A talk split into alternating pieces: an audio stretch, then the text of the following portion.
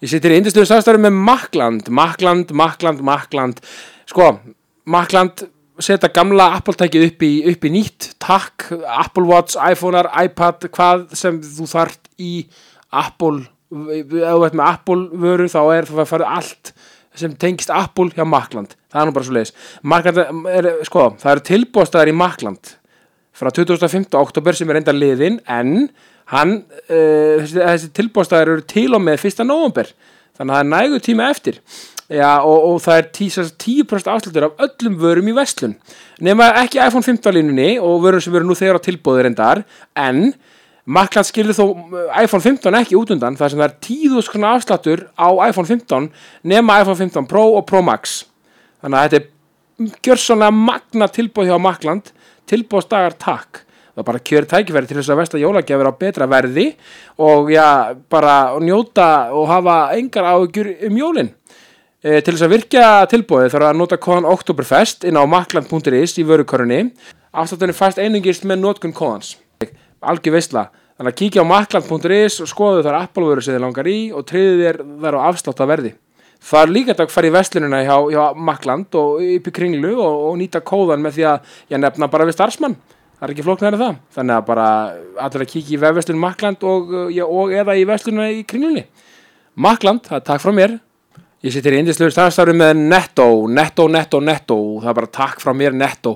Mín Netto-vestlun, þar sem ég, ég býi í lögadalum, hún er uppi í Lámúla. Bara, sko, því lík veistla og, og bara ef maður þarf eitthvað, þá fer maður í Netto. Þú veist, mér vantaði klaka um daginn, mér langaði í súkulaðiköku, mér langaði í, þú veist, bara, mér vantaði pappadiska, þú veist, mér vantar, uh, mér vantaði, uh, vantaði gott nýtt og fæst brauð, þú veist, bara, það er allt í nettó sem þú þart allt fyrir, já, allar aðstæður hvaða máltíð sem er hvað, hvaða starðagráðu sem er bara skiptir engu máli og fara það í nettó, takk.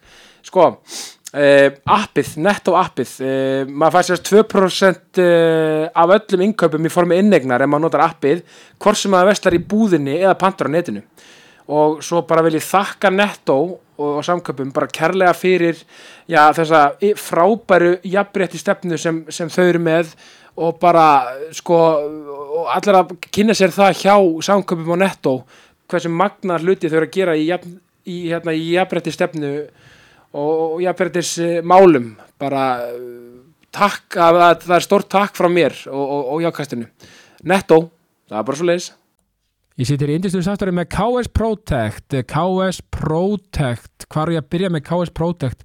Því líkir snillingar, gleði, gaman, stuð og fjör.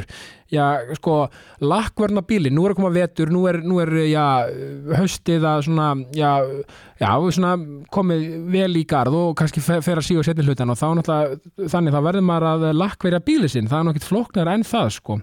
Og já, þá er náttúrulega bara engin spurning að þá fer maður í KS Protect það er bara svoleiðis, já, þetta er náttúrulega bara heimsklassa, já, grafín lakkvörn og uh, já, bara, þú veist, ég veit ekki, veist, stemmingin, gleðin, hamingjan sem er við völd upp í KS Protect, það er náttúrulega bara ekki eng, engri, hún, hún er engri lík og uh, sko, uh, skemmum við 28, bleikata þannig að sko allir að fara og, og láta já, fá sko grafín lakkvörn til þess að til þess að sko, já, massa og hreinsa bílinn, bífriðin verður mössuð og hreinsuð.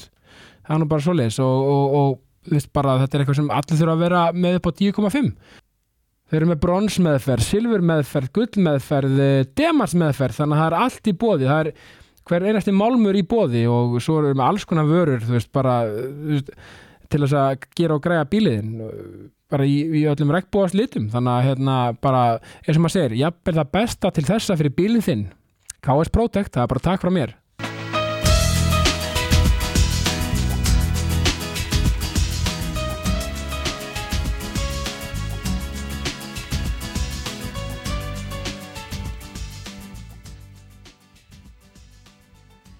Sveit Samstæð, velkomin í ákastið. Já, bara takk fyrir það.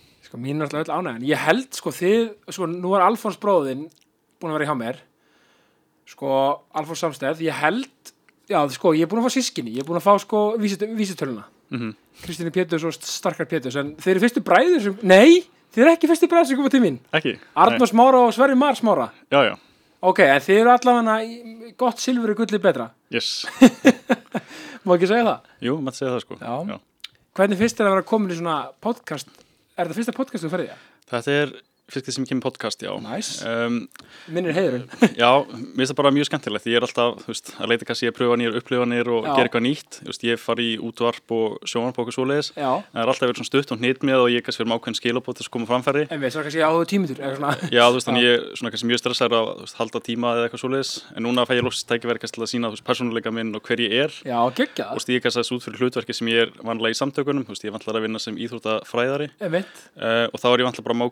til að að hnitmiðu skilabóð sem er að koma fram já, en ég fæ ekki aldrei að sína fólki hver ég virkilega er Nei. í þessum stuttu klippum, sko. einmitt áhuga, Það er mjög góð pæling og ég ætla áður við byrjum, ég ætla að koma með þig. Já, Minn er indisluðu samstæðsæðalar Sko, byrja daginn í vörklass verði íþrótta sinnaður, sko. Já, taka góða æfingu og fara í góðan tíma eitthvað, whatever. Ég, ég fyrir mest á bretti og tek uh, liftingar sko. Það er svona mitt go to svo náttúrulega bara jafnar þetta út og fyrir á og Rips og farið þér alvöru karblót morgumat, nei morgumat, hádeismat já, bara al alveg máltíð, alvöru málti, ja, morgumat svo sem líka ef maður vill sko, ef menn er að vakna þeim tíma. Já, svo náttúrulega ferðið bara upp í hérna, netto og veslir matinn.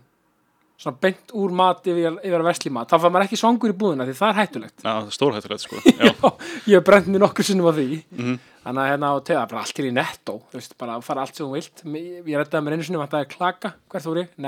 ég það er er, herrið, svo náttúrulega ferði upp í hérna dynjandi að ert að gera eitthvað heimi hjá þér eða eitthvað. Mhm. það er nefnilega meiri sér það er að gera öryggisvörurnar cool sko. Já, þeir eru með púmavörur sko. Púmur, já. bara beint svona segvi úr landsliðinu sko. Mhm. það er bara púma alla leið sko. Já, að gefa púma sjátt líka. En já, dynjandi eru með öryggisvörur upp á tíu. Svo náttúrulega bara ferðu, ertu með Apple vörur eða?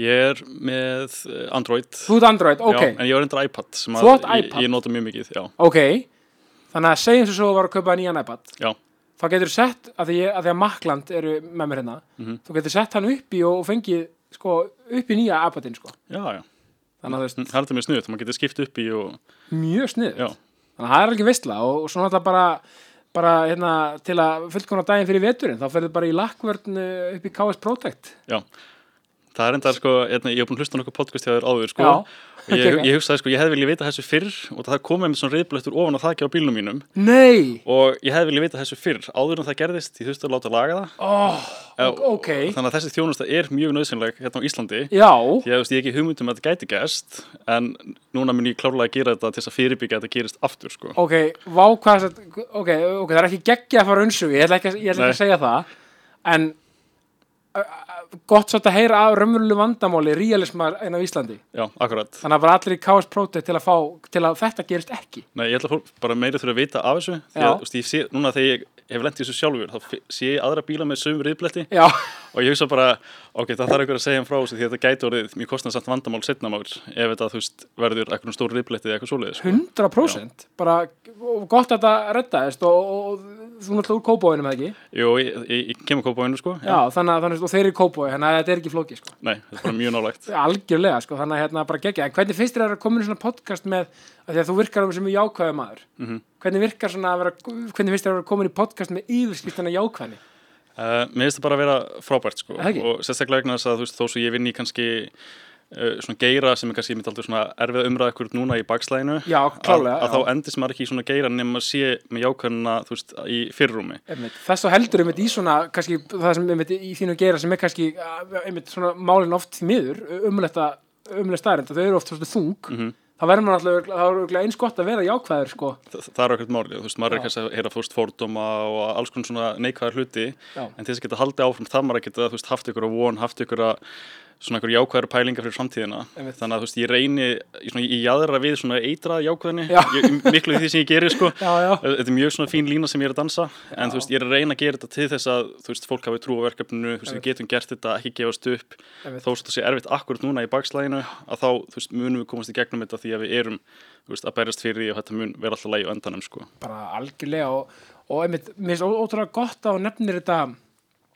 Þetta með þessi eitruð jákvæðni að því að hún er alveg sko eins og allt í lífinu held ég, þetta er alltaf með svona algjör línudans.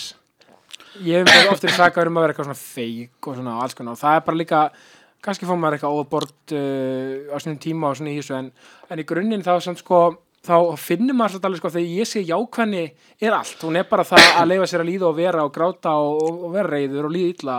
Bara að þú, nefndir vonin þann, ég sá. Já. með það. Maður má ekki missa marks á voninni þegar leifa sér að vera öllum þessum dölum og, Mhm. og, og þeim, á þeim bylgjulengum sem maður vill vera á sko. Já, akkurat það sko, það er líka bara veist, að missa ekki marks á því sem er að vinna þannig að Nákvæmlega. þá sem maður sé að fara í gegnum veist, erfið tímabil að, veist, að, að geta hort fram á veginn og hugsa veist, þetta er tímabil Já. og þetta mun líða og ég mun komast í gegnum þetta og ef ég þarf að vera aðeins og jákvæður miða við hvernig staðan er þá ger ég það frekar heldur en að vera neikvæður því það gerir mér ekkert gott. Nákvæmlega. Aðstæðum sko. líka því að mér finnst neikvæðin oft að vera svona ofan á í samfélagi, þú veist hvað að minna þetta er svona, Mhm.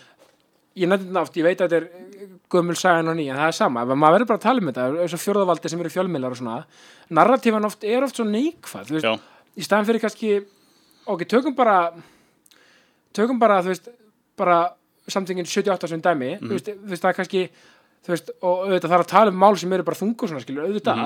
En, en, en, en það mætti kannski líka einblinn á af því að það er svo ótrúlega margt í mörgu verið að gera frábært líka. Mm -hmm. okkur gerum við ekki líka frétt við það?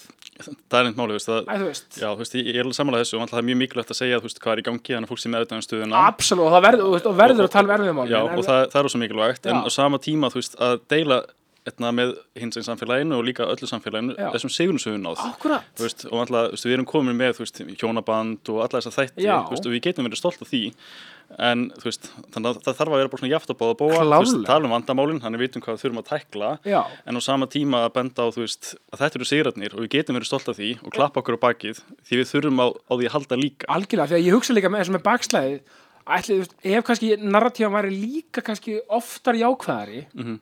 Að þá kannski það líka svona bara valdefling fyrir um þá sem eru að, veist, að berjast fyrir þessum fyrir þessum málaflokki Mm, Akkurat, þú veist, með ítir undir bara, ok þú veist, að því að ég er svona mikið að hugsa um valdefling og húriki og svona, sem þið eru að sína bara Mhm. alltaf í verki, le- leik og starf okkar með einsta degi El, bara, bara áfram, áfram bara baróttan Já. og bara ég er að gera svona emoji, hvað heitir þetta, svona þetta er svona... lífalega revolúsjón stemning. þetta er svona jafnbrettis nefi Já. eins og við sáum, ég held að það var hérna Black Panthers á Olympileikunum á sínum tíma. Frábær útskýring, þeir eru stóðu þarna veluna pallinum, ég held að það voru tveir, eh, tveir hérna frjálsýttumenn einmitt. Já. þannig, þannig að þú veist, bara, þú veist, við verðum að og gerum líka, þú veist, einmitt, eins og þú segir þú veist, ítum undir það sem er líka jákvætt og gefum því kannski með líka svolítið pláss. Já, ég, 100% sko. Að það er líka, einmitt, og líka bara í almennir umfyllin það er bara svona, það væri miklu meiri ég segi þetta oft, sko, það er miklu meiri frétt eitthvað svona, já, hérna, Svenni og Kristi fór að slást eftir að þið voru ósamla eða eitthvað, e, e, það myndi vera meiri klikks heldur en geðveg, Svenni og Kristi vorum með geggja pælingar umræði og, og opnið á margt, eitthvað svona. Mhm. Æ, þú veist, mann mannskeppnan eins og ég kýs oft að kalla hana okkur, öll hérna, við erum oft svona með meiri tendensi í að leita í þetta leiðilega. Í, í þetta Neikvæða. derfa eða eitthvað svoleiðis sem alltaf í dag eru með hugtak sem heitir að doomskróla og kannski kannast við að þegar maður einhvern veginn stendur sig að því að þú veist, við erum allt í einu búin að fara í gegnum sko neikvæða fréttir í þrjá tíma og það er allt úr sko skelfilegt og ómögulegt og hryttilegt já, bara eitthvað til kvíða og svona bara. Já, og veistu, ég var alveg upplega að ég gerði stundum sjálfur að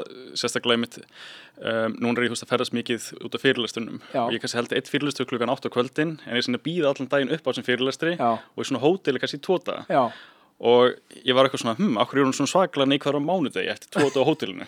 Og það var ég búin að vera að doomskróla ómeðvitað bara að lesa neikvæða fréttir allan daginn. Já. og það hafði rosalega slæm svona neikvæð áhrif á mína svona andlegu heilsu og allt svoleiðis. Og annars kannski áttu að því? Nei, það núna er ég, veist, eiginlega bara búin að, ég er búin að blokka alls konar síður, ég bara, ég lesi þetta ekki, eitthvað minn segir mér frá þess að þetta er mikilvægt. Já, já, og stundum bara, þú veist, leggja síma frá mér sérstaklega á kvöldin, Úff, því maður getur dott í þetta dúmskóla sem neikvæðinni, því heilin einhvern veginn sækir í það ómeðvitað, sko. já, þetta er eitthvað svona eitthvað svona þetta er, þetta er basically bara fíkn hjá manni að vera bara að skrolla og Já, skrolla og, ég, ég upplöði sem slíka, þetta, þetta er eitthvað svona ákveðin svona fíkn, þess maður fer í gegnum þetta, maður fær eitthvað svona pínu einmitt, en ég held maður sé ekki meðvitað um það.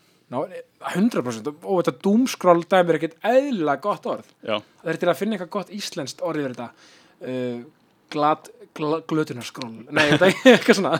Já, við, þar, við fáum við hérna eitthvað íslensku fræðing til að græða það fyrir okkur. Já, ha- hamfara fíkn eða eitthvað svo leiðis. hamfara fíkn er þetta frábært orð. Já, hamfara skroll Nei, en, en sko en herru, og nota bennett en talað um jákvæðni. Mhm, sko, ég verð bara sko, bara ég mæli bara með að fara sko, ef við viljum fá jákvæðni okkar líf já, þá förum við pöntum okkur borð á Sushi Social. Mhm, mínum upp á allstað.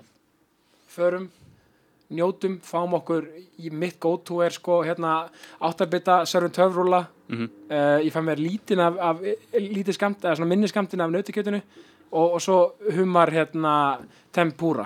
Já, það er bara svona mitt og, og, og já, því ég drekki ekki áfengi og áfengi koktelarnir, bara vá þú veist, gerum okkur glaðan dag förum á sushi social og bara, þú veist, bara og, og skál fyrir jákvenni, eða ekki bara? Mhm. En að, ég ætla, Svenni, þú kemur með mér tímann.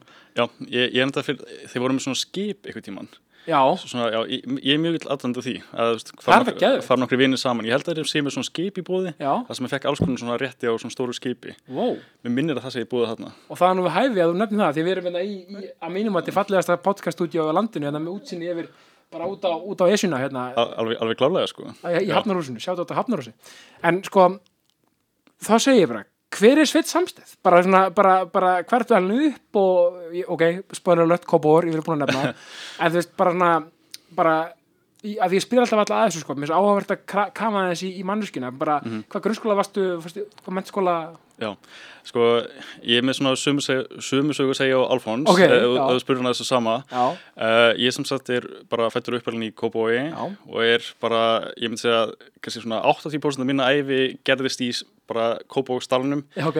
í Breiðablík, ég var alltaf búin að vera þar sín 97, byrjaði í útaskólanum hjá honum hérna, alla aðalsteins og, og var sín í frjálsum og fótbolta og hinum að smíþóttum með blíkunum Já. bara alveg grjótarðu blíki já, hvaða ár gerir þú þá? Ég er 95 95, já, Já. flottur árgangur mjög flottur ágangur sko.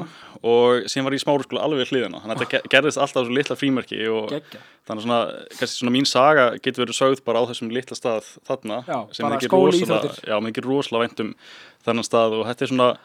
þú veist, ég myndi segja svona bara mitt heimili utan bara kannski fjölskylduna minnar er þessi staður í Kópavogi sko. Já, já, ókslega næst líka að hafa íþróttafélagi bara hliðin skólanum, eða veist maður lappaði bara yfir sko. Já, ó, næs. Og, og raunni smáraskóli og, og þú veist og, og vandalega mjög næs bara alls upp í Kópavogi, eða ekki? Bara, já, bara mjög gott að ma, maður fær alltaf þetta væp, sko, Kópavogurinn er svona mér finnst, allir sem eru Kópavoginum auðvitað, kannski, þetta á auðvitað við um alla en það er svona, þetta stolt sem fylgir því að, vera já, ég er Kópavogi, ég ætla bara að Kópavogi, einhvern veginn. Mhm, Já, maður har heyrt frasa Kópbói og okkur svoleið sko.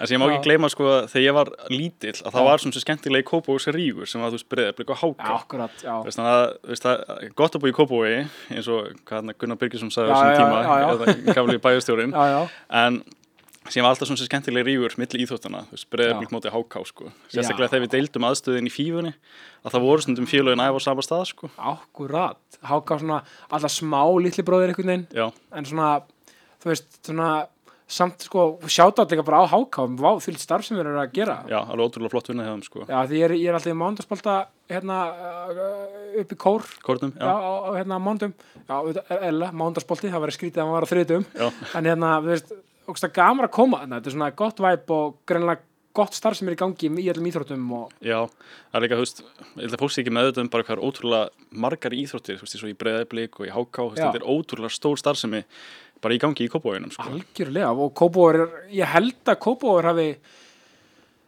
ég veit ekki kannski ekki ég, kalla, ég, ég veit ekki hvernig, hvernig nákvæmlega hvernig er í kvennaboltanum allan í fótboltanum en ég meina framleyslan af talent úr Kópóðurum Alveg ótrúlega, sko. ótrúlega, þetta er bara þetta er, ó, um, um, jú, ég get nú alveg fullir það líka í kvennaboltanum, það er náttúrulega bara þú veist, já, því líka talentpúljur sem hafa verið þarna ekki um tíðina, ég kalla á kvenna, þetta er bara magnað Mhm.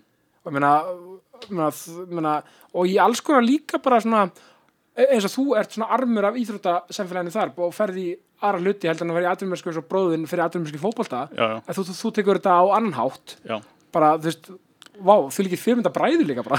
Já, það var alltaf, það er bara ótrúlega flott vinna þarna, í- sérstaklega í veist, ég var alltaf, var að þjálfa þarna frá 2009 til 2021, Já. bara nánu samfelt, uh, sem var að vinna sem húsverður í fjögur ár Aha, og sjálfbóðili, þú veist, en ég þekkir svolítið vel inn í klubbin og Já. þetta er ótrúlega mikið bara hjartahlý og góðu fólki og frábær starfsemi sem er í gangi, uh, bara í félaginu, þannig kemur ekkert óvart að þessi koma mikið af flottum leikmönnum, því Nei. umgjörðin er upp á tíu, sko. greinlega vel haldið út um þetta ég maður þegar ég var að spila ég var allir val sko eh, og valsari um, það var alltaf það var alltaf svona stemmingin að koma að spila upp í Kóbói það, það báði mjög erfitt að spila mútið breyðarblik alltaf Já. og háká líka Sérstaklega í yngri flokkunum, sko. Sér, já 100% en líka við bara því að sko stuðningurinn á bakvið liðið var alltaf ótrúlega mikið fóldrum að horfa og, og svona mikið mikið stemming og, og, og meina, meira sér, ég man að stjórnamenni bara úr meistarlósráði voru ofta að horfa bara á veist, annar flokk og þriðar flokk og svona, greinlega mikil svona stemming og, og mikið verið að pæla í þessum ungu, minna, leikmönnum,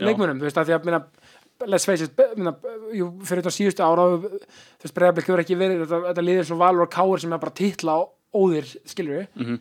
vissulega núna, eh, reyndar þetta, en nú reyndar ekki nema einn titilla á síðustu, hvað, 12 árum, veist, Mhm. sem er, jú, mjög gott samt, en þú veist, meiri, meiri margir, geta sagt, en, en ég meina, aðalega er þetta svona ungmenna félag, Svona, þannig sé sko. Þannig séð. Já, en þú veist, mér finnst líka öll félög eiga að vera byggð upp fyrir barn og ólingastarfið já, hérna á Íslandi ekki spurning, þú veist, út af alltaf, bara þetta er líka svo gott bara mótil fyrir líðheilsu og alls konar þætti, þannig að mér finnst að þetta eigi að vera fyrst og finnst fyrir barn og ólinga og það endur spekla síðan í meistarflokkum Að sjálfsögðu. Ef þú ert með gott barnastarf þá, þú veist, hjálpur leikmennum að þroskast og þróast algjörlega. og þá verður góða leikmenn í meistarflokkum, sko. Og það er það sem breyðablík og, og, og háká núna geta hérna, státt að sjá og það, er svo geggjaður fyrir þessa harkjarnar stuðið sem er að sjá þú veist, leikmenn í, í, í kalla og kvennaboltanum vera, þú veist, bara já, þetta er, þetta er uppalinn blíki hérna, skilur Já, það er svo mikið, minna, hvað, tímbili voru bara í byrjunniði blíka hvað nýju uppaldi blíkar það gæti alveg verið, sko. Ég meina að þetta er bara, bara, bara, bara örugglega einstæmi í heiminum, sko. Já, og sín kom líka bara svona sterkar kynsluður, eins og í blikunum, eins og, veist, í, í minni kynslu, þú veist, það var alltaf mann er rosalega vel eftir því að vera í leikum bara með, veist, Ólafur Sigurjóns, við vorum alltaf saman í grunnskóla og, og Daví Kristján sem er núna spilur landsliðinu já, og, og Kalmar, og, og Kalmar og, veist, það er bara margir mjög sterkir leikmenn líka úr smárskóla, sko, já, þú meinar. Í, í mörgum íþróttum, sko. Já, þannig að þú bara, 95 árgangunum var rosalega sterkur í, þú veist, frjálsum og körfubolta, fótbolta Já. og hinn og þessu, sko. Einmitt, nákvæmlega, og má ekki glemja þeim þetta, að bleikarnir eru með hörku körbáltalið núna. Já, geggja, mér finnst þú, já, að því að eina börni mín, sko, ég er með fjóra og fimm ára þau, völdu körfu upp í, að þau verum upp í lögadal Já. upp í Ármanni, það er svo gaman að sjá. Það er líka bara svo gaman þegar það kemur bara svona frá börnum, bara svona, vá, mér langar til að prófa þetta. Og þeim langaði svo svona náttúrulega til að prófa körbálta og mér finnst það svo geðvett já. Þannig að maður er svona fann að kynna sér körbáltan aðeins en, og rauninni eftir, og hvaða mentaskóla ferður svo í? Uh, ég fór í Vestló, var þar á félagsarbraut og það voru bara fjögur bestu ár lífsmín sko. Eh, elskaði að vera í Vestló sko. Fílík stemming Já. Nemo og, og hérna, NF, Vafi, MR og allt þetta er bara. Allt þetta en líka þú veist, þetta, ég fílaði bara bekkikerfið sko. Já, einmitt. þú veist, margir af mín bestu vinnum í dag komi úr þessum litla grútlega félagsarbekk sem ég var í, vorum minna en 20 manns í bekknum. Geggja. Þannig að ótrúlega góð svona, svona hóp, svona bekkjastemming en Já. líka voru og fyrir alls konar ferðir hér og þar Herri, sem myndu rosalega sterka heild í, í Vestló sko. Var ekki þessi fræga, hérna, er ekki alltaf fært í Þískalands, en hvernig er þetta? Sko, við fórum til uh, Kraká í hérna, Pólandi, kallast Helförn, þá voru sko Já. ásvits og allt svoleiðis. Einmitt, Það voru okkur við minnir sem fóruð í það líka. Já, síðan þú skáttu við farið til Spánar og veist, skipt, þannig að ég var í viku úti og síðan kom Spánverið til mín í viku, þannig að það voru alls konar prógram í. Öslo og, og þessar ferðir er með þjöpp okkur rosalega mikið saman, saman sko. Vel gert, og þetta er með líka gaman, þú veist, þú veist, þetta dæmi, mér veist ekki að allir veslingar, ég er búin að fullt af veslingum bara á öllum aldri sem hafa komið til mín. Já, Það er allir eitthvað, já, vesló maður, what a time, sko. Mhm. En þú veist, þetta er bara svona, vá maður, þú veist, veist, það hafa allir frábæra sögu að vesló að segja sem hafa komið til mín, mér finnst það svo gaman að gaman, sko. já, og líka þú veist, mér finnst ótrúlega líka mikilvægt sko að krakka sem að hlusta líka átti þess að því þú veist, þessum mentaskóla maður finnur bara sem henda manni best að. Akkurat. Mhm. þarna hendaði bekkakerfi þér bara óbúslega vel þú veist, ég var í, ég var í svona fjölbrotakerfi hendaði mér frábælega, verði bara fugli sem ég er ég er bara svona úp, mér finnst gaman að vera út um alla trissur og þú veist, bara þannig að börn átti að því sko, þú veist, og krakkar, úlingar, þú veist, að það er ekki hvað, sama hvað skóla þú ferði í, það er bara geggjað bara, bara svo lengi sem það henda þér og það er alltaf að skipta að vera ekki að henda þér já. Alltaf, já, eins og segðu, sumir fungerar betur í þú veist, aðrir í fjölbyttarkerfi, Já, en þú veist, það er til skóli fyrir alla og maður það bara líka bara kannski hitta, hitta sitt fólk, sko. ég bara algjörlega, en, líka pælti líka að ég var í ármúla, ég kláraði. FH og þú veist, það voru alltaf svona mínumaldri því ég er 91 sko, Yes. það voru svona fyrirframgefnar hugmyndur oft um ármúla, það var eitthvað svona ekki nóg góðu skóla og eitthvað slíkt sko en, en sem er þetta bara algjör, algjör kjaftaði og algjör, algjör mýta því að FH er frábær skóli og en FH allir spýður upp á þessu nuttarabraut sjúkralega braut og alls konar svona öðruvísi fög líka Já, sem er svo geggjað að hafa í flórunni Mhm. þannig að bara, bara you do you sko bara allir að gera það sem bara henda henni best sko. Bara absolutt.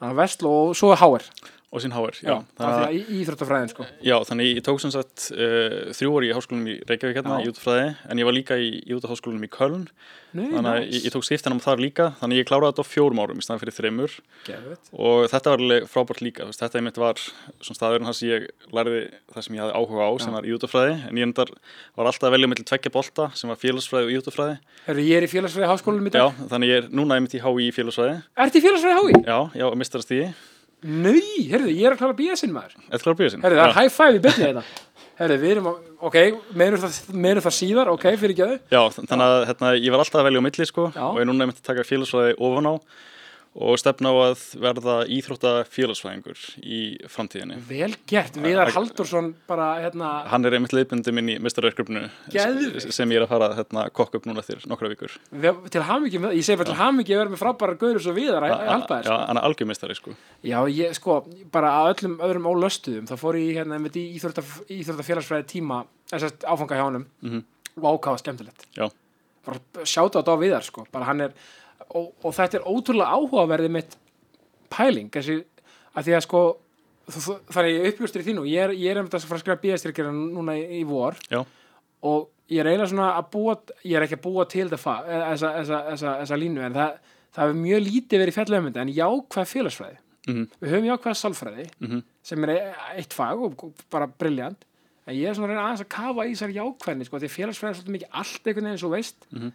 Við erum svolítið spenntur að sjá hvernig útkoma verður sko. eftir fann að pæla ykkur um sérstaklega vinkli þar. Mér langar svolítið til að tala um þetta sem ég er að fjallum, sem er valdefling, hugrekki og jákvæðni, Ok. þar segja, Já. og, og kannski líka smá um þessa narratífi frá fjölmjölum Mm og hvernig svona samfélagið er endur speglað.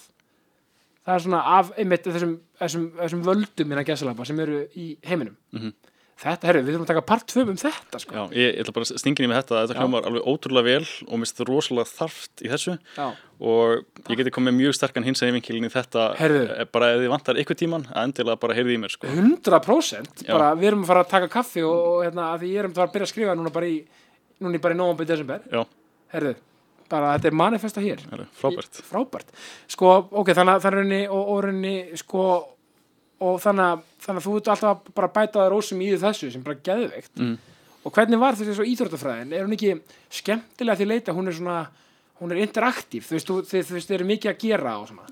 Jú, ég ég er svona, ég, ég kannski hveitt ekki á því þessum tíma Nei. en veist, ég er bara með ég sko, uppfullur á orku, sem ég kallar þetta ávirkni ég, ég segi bara ég sem er 150% orku. Ég segja, ég, ég er svo ég, sko. ég, er bara með meiri orku heldur en miðal maður en það er ekkert neikvætt. Þannig að að margir af tímanum voru þú veist, reyfing og útrás Já. henda mér rosalega vel. Eh, því að þú veist, mér finnst mér gott að geta reyft mig og þú veist, það að vera þjálfari henda mér rosalega vel að geta lappað um og tala við þúsund manns, að vera húsvörður. Ég, ég velum mér oft hlutverk þess að ég fæ útrás fyrir mobile dæmi, Já. já. en líka fyrir þessa félagstörf því mér finnst rosalega gaman að bara vera allstaðar Mhm. þannig að útfræðin hendaði mér rosalega vel því bæði fekk ég eitthvað sem ég áhuga á líffærafræði og allt þetta.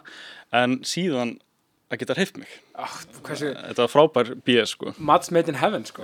Vá, geggja, og og, og svona, veist og hvernig sko, eftir að klára BS-in þar, þú er, ert að klára núna hérna, félagsfræði master? Já, um, ferðu þá beint í samtökin 78 að vinna eða ert að vinna eitthvað á milli þess eða, um, sko ég fer ekki samtökin fyrir bara uh, byrja 2022 sko þannig Já, ég, ég ok. okay. tiltölulega nýr þar sko. Um, nei ég var að vinna sem bara frjálsþjálfur í breyðablík var með úlingaflokkana og sín setna mér mestarflokkin já, í frjálsum og var líka að vinna sem bara húsverður samhliða náminu. Já, þannig að ég var eiginlega ekkert mikið í, raun og veru í hinsæðinhefingunni að ykkur leiti fyrir en bara mjög ný, nýlega sko. Vel gert maður og bara geggja það að líka sko, mér finnst ótrúlega flott í samtökunum að vera með þennan vingil líka já, Það veist að því að það er svo auðvitað ekkert að gera það ekki. Hér koma örstuð skilabóð frá mínum frábæru samstagsæðilum. Ég kynni til leiks uh, frábæra nýja samstagsæðila NetGyro. Það er bara takk frá mér NetGyro. Sko, nóvember er gengin í garð og þá er náttúrulega jólareikningur NetGyro. Það er bara svo leiðis. Það virkar þannig að það sem allt sem þú veslar í nóvember og desember getur fært yfir í jólareikning NetGyro sem þú greiðir síðan 1. februar á næsta ári. Sko, jólin Já, þau koma snemmi í ár, það er nokkuð ljóst. Þetta, bara, þetta, þetta gæti ekki verið, já, uh, mikið meiri snild fyrir þá sem, þá sem ætla að gera þetta svona. Ég meina bara, þú veist, ef maður getur borgað þetta sko, svo fyrsta februar, ég meina, þú veist, þetta bara gæti ekki verið betra.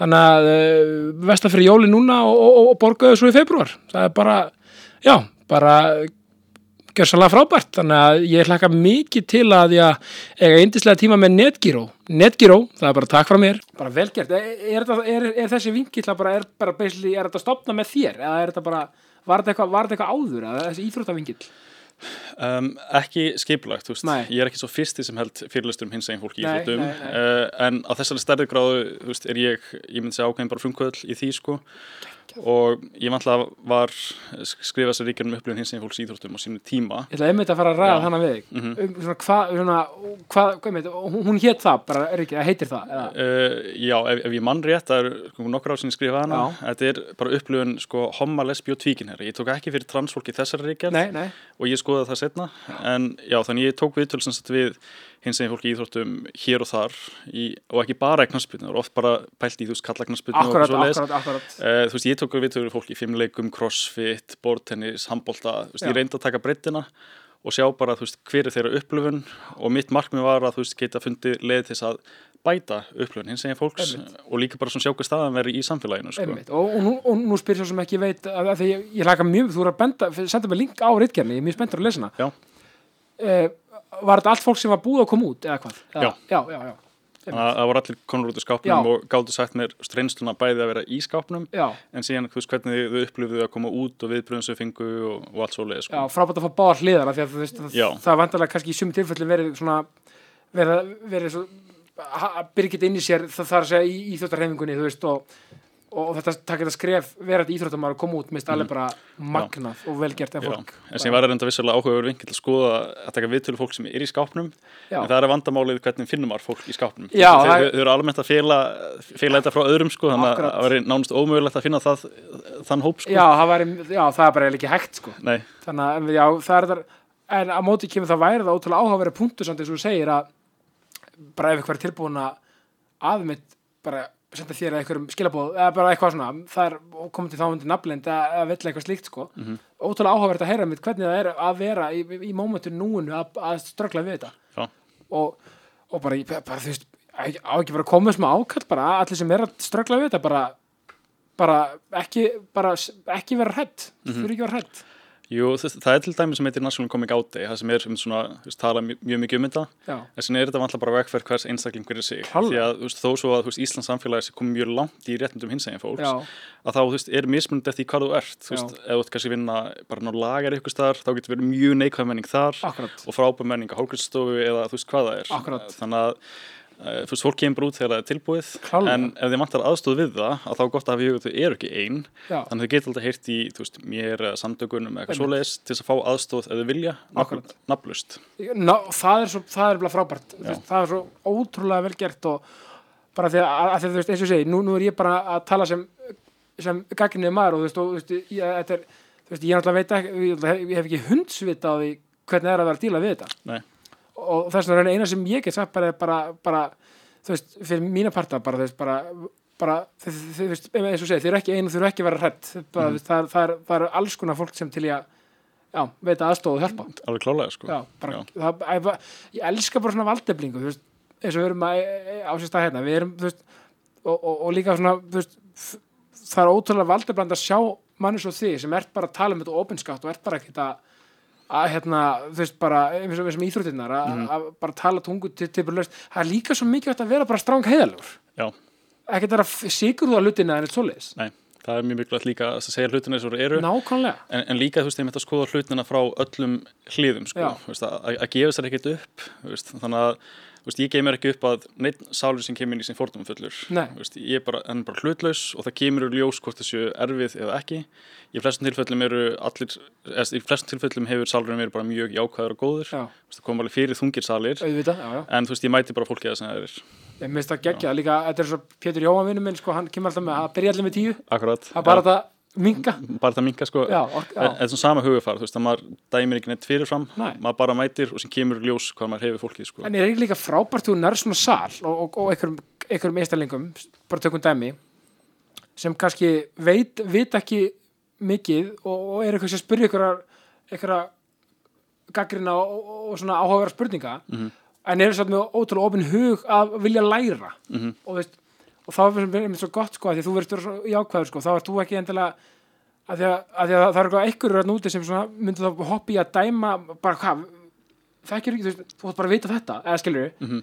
er ekki geggja að fá með svona fólk sem vill læra og er svona og, og, uppljóstra auðvitað kannski það svona að vita ekki mikið um hlutina Mhm. en það er líka alveg svona ákveð hugur ekki að þóra það bara ok, sorry, ég veit ekki mikið um þetta, getur þú frætt mig Já, það, veist, það er ég myndi að það mikilvægt sem við gerum er að opna samtalið Já. þannig að veist, þegar ég er með það er í opna samtalið millir hinsegin reyfingar og íþjóttarreyfingar já, og, veist, og ég vil að fólk spyrir mér spurninga og veist, fólk hefur orða spurningar og verður rosalega illa það er En- svona það sem er komað fólk kannski veist, Já. segir rángar hluti Já, en þú veist, ég bara, ég, ég horfi á þeim þú veist, eru þau, veist, bara ég, sé það bara í tóninum á Já. veist, eru þau brosandi þau spyrja allt þetta, já, veist, ég skinja þegar fólk er að spyrja því þeim langar að læra já, og maður á aldrei á að slá hendunar á fólki sem vill fræðast eða læra. Bara finnur ekki réttu orðin. Nei, og þetta er líka eitthvað sem maður læri bara, veist, við það að koma oft fram á sviði, er Já. að, veist, fólki er óörugt, fólk, fólk er feimið og okkur svoleiðis og maður þarf að vilja koma til móts við þau, Einmitt. en þess vegna oft eru einmitt með svona nafnlösa spurningar, þú getur skrifa spurningar Já. en ég veit ekkert hver spyr akkurat, og þá fær fólk tækifæri til að spyrja án þess að fá óttan við að, þú veist, að þú séu bara cancelled á sviði. já, við eitthvað köllu út fyrir að vera með orða hlutina rámt eitthvað slíkt Já, sem bara alls ekki markmið, sko. Nei, nei að, einmitt, þá er þetta svolítið búin að snúast omvendum bara svona, þá er veginn, já bara svona, við viljum hafa þetta í svona þægilega og góð þar sem allir geta tjáð sig sem eru viljið til að læra þetta. Já, og, og líka þú veist að í þessum vandræðilegu spurningum þá Já. koma upp þú veist, þetta er svo mikilvægt fyrir einstaklingana Já. og dæmi spurningu sem ég fengið oftar en einu sinni Já, er eitthvað svona uh, Svenni, hérna getur þú sagt mér af hverju vinkonum mín breytist í lesbíu? Já, einmitt. Og fólk, fólk spyr mig. Og síðan þú veist, sumi getur bröðist illa við þessu Já, já. en ég, ég bara spyr og tek svona pínum svona trúnópælingu. Akkurat, og þá kannski kemur ljósa að þetta var kannski vinkon einhvers sem að var í sambandi með mann í mörg ár hætti með honum og byrjaði strax með konu. Akkurat. Og þá bendi hann að það, þú veist, hún breytist ekkert í Nei. mögulega var hún í skápnum. Já, mögulega er hún tvíkinneigð eða, eða pankinneigð og með því að þess að tala í gegnum sagt, þetta, þetta ferli og þetta, þetta dæmi, Já. þá skilur fólk á endanum.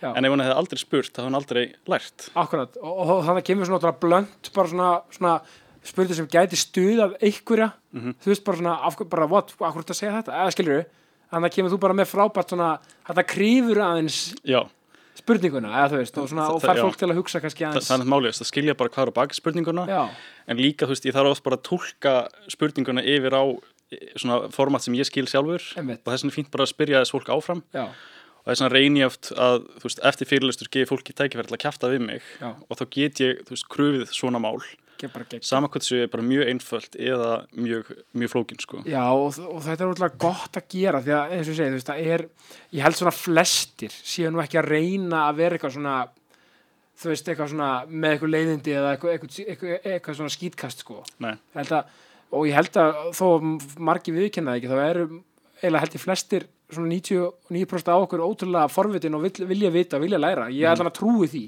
Þa, það er mín upplifun líka, veist, ég er búin að tala við sko hundruður einstaklinga Já. núna og þú veist, í nánast hvert einast skeiti sem ég talaði fólk, að þá er það að læ, spyrja því að langar að læra og koma til mót sem ég bara með jákaði viðmóti. Já, uh, og meiri segja, þú veist, einstaklingar sem hafa voru kannski erfir þegar ég mætti eru mýgrið þegar að ég fer út veist, Já. ég hef verið stoppar í hurðinu og sagt við mig, veist, ég vil ekki að þú veist, hins eginn fólk sé í hópjum mér bara stoppar í hurðinni, áður en ég mæta fyrirlestur. Já, uh, en sem þeir lapp út hefur þessu sami aðeili pikkað um og sagt herðu, bara takk fyrir fyrirlesturinn. Uh, ég vil ekki að sumt hins eginn fólk sé á fyrirlesturi, uh, sé í hópjá mér. Já. Og fyrir mig það, þú veist, þetta er lítill sigur sko, Já, því að, því að hann hreyfiðist sko. klálega og þá er allavega grundvöldu til að að, að, að, að algjörlega fordómulegs maður lappi það út. Það- þetta er líka, þetta er svo mikið jákvæðni. Mhm. þannig að ég, ég tek öllum litlu sigurinn sem ég get fengið og þú veist, já, ég segi, þú veist um, viðbrunum sem ég fengið hafa nánast alltaf bara verið jákvæð, Já. stundu fæ ég svona kannski erfiða karaktera, en ef þeir hreyfast pínu, að þá er það sigur því að þeir eru að hlusta algjörlega, ég tel það kannski barnalegt viðhorf, en ég held að setja reyða við öllum Mhm. á einhvern nátt stundum bara þarf að þetta er bara svolítið eins og held ég að þjálfa fótbollalið og akkurat. ja, bara svona þessi þarf knús, þessi þarf smá svona, hey, come on þú veist, Mhm. og þessi þarf, whatever sem er, við, þú, ég, og það að vera þjálfari þú að þekkja þetta að hafa þjálfa frálsar og, og alls konar. Þetta er ótrúlega, ótrúlega mikil félagsfræði mitt akkurat. að vera með svona stóran hóp þar sem einmitt, að við erum öll, að því við erum öll svo mismunandi. Já, en líka þú veist að það skiptir svo miklu máli hvernig þú nálgast einstaklinga eins og og ég er alltaf með svona eitt punkt að leiðurlúsi sem ég læriði í útafræðinni sem er mjúkur á mannin, Já. harður á málefnið þannig að þú veist, ég haggast ekkert í mínum punktum að þú veist, fordómar er ekki í lagi og mismunur er aldrei í nei. en þú veist, ég er ekki að fara að öskra á eitthvað eða skamma eitthvað, þú veist, ég tek það bara á kæftiríið og Já. þú veist, bara sp- spjalla að því um að þú dettu í, í, í, í, öskupakka og bara, bara brjálaður á móti þá ert þú eiginlega búin að tapa sko. Þa, það er málið. veist. Já, þannig ég hugsa bara, þú veist, ef ykkur er að leiðrita mig hvernig vil ég vera leiðritur akkurat þannig að veist, ég fer með þetta viðmót til annara Já. þú veist, þannig að ég mjúkur á mannin bara kjafta og kemst þið mótsvein ég er hún sé fordómafullur. Já.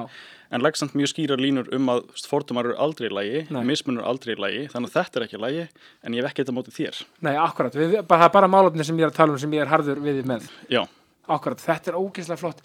Og þú veist, ég einhvern veginn sé fyrir mér sko ég er bara að að hugsa svona bara eitt dæmi sko bara, um, bara því sem ég fótbolta á maður og hérna held, og svona man management er svo mikilvægt. Líka bara um, um varði fordóma og slíkt, ég meina bara að því ég er liðplumar, mm þú veist, Jörgen Klopp. Já, ég held að ég held að þú veist þú veist, hann er svona gaur sem, sem myndi bara, þú veist þú veist, það er ekki til fordómar í honum. Nei, allan að út, skilur, ég er þekki ekki manni persónulega en bara svona, bara hann knúsar og hann bara svona þú veist, við erum bara hérna hann, og hann er svo ótrúlega mjúkur við gaurana sko í, í, í, í hérna bara sem personur Mhm. en svo bara það þurfum henni að sína standarda þú veist, bara svo er í elitisma í íþróttum Mhm.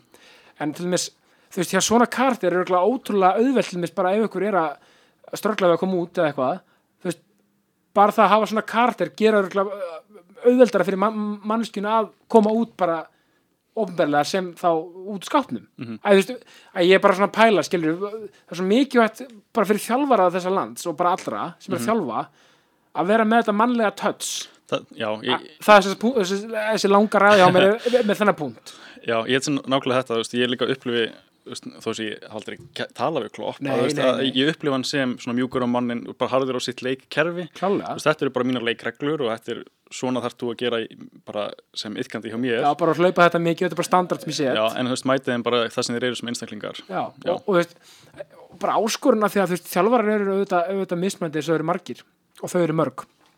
En sko reynum að því að ég hef óbærslan áhuga á um þessu mannlega eðli í íþróttum og bara öllu Mhm. lífið, af því að mér finnst íþróttir endur spyrkla lífið óbærslega mikið. Já, bara liðsíþrótt er bara basically þegar við erum öll bara fjölskylda bara lið Mhm. eða þú veist. Þannig að reynum að svona hafa væpið þannig að það sé opnun fyrir að fólk geti pikkað í herru, ég er með smáenda sem er liggur á mér, má ég tala við um það? Mhm, ég held að það sé óbúslega mikilvægt. Mhm Já, þetta er einmitt svona punktur sem ég langar að koma inn á uh, með þú veist ekki að tala á með allt svoleiðis. Já. uh, Sko, ég, ég kem úr svona svona áhugaverði fjölskyldu minstri uh, sem sagt að þreymur mánum árin ég fæðist að þá fremur bróðurinn að mömmu 18 ára gammal sjálfsvík ó, þannig ég, að ég, já, þannig ég elst upp í sjálfsvíks fjölskyldun og þetta verður rosa mikið lit á okkar bara fjölskyldulíf. Já. en ég myndi segja þó að þetta var hryllilegur aðbörður sem ég óska engin fjölskyldu upplöfi. Að þá læriðum við rosalega góða leksýri á þessu. Þannig að þú veist, ef okkur líður illa eða eitthvað líkur á okkur, að við tölum um hvert annað. Já, við deilum vandamálunum okkar og hlustum um hvert annað. Og þetta er rosalega mikilvægt og ég hef bara alltaf haft hennar punkt bak við eirað uh, út frá því sem gerðist. Og þannig að þú veist, til dæmis ef að ytkendur hjá mér uh, eru kannski, þú veist vera erfiðir eða fordumfullir já, þá segir ég bara, hei, veist, þessi hegðun er ekki já, en, þú veist, tekur þú hliður og spyr en hvernig hefur það? veist, þannig ég stoppa hegðunina Já. Og til dæmis segir þetta er ytkandi sem er bara svona allt í einu rosalega erfiður Já. sem er algjörlega karakter þá tekið hann til hliðar og ég spyr bara, þú veist, hvernig hefur það? einmitt, og þá kannski segir krakkarnir, þú veist, það var kert yfir köttum minni leiðin æfingu akkurat. Eða þú veist, ég komst ekki inn í mentaskóla langaði og allir vinir minni komust. Mann pappir að skilja og allt þetta.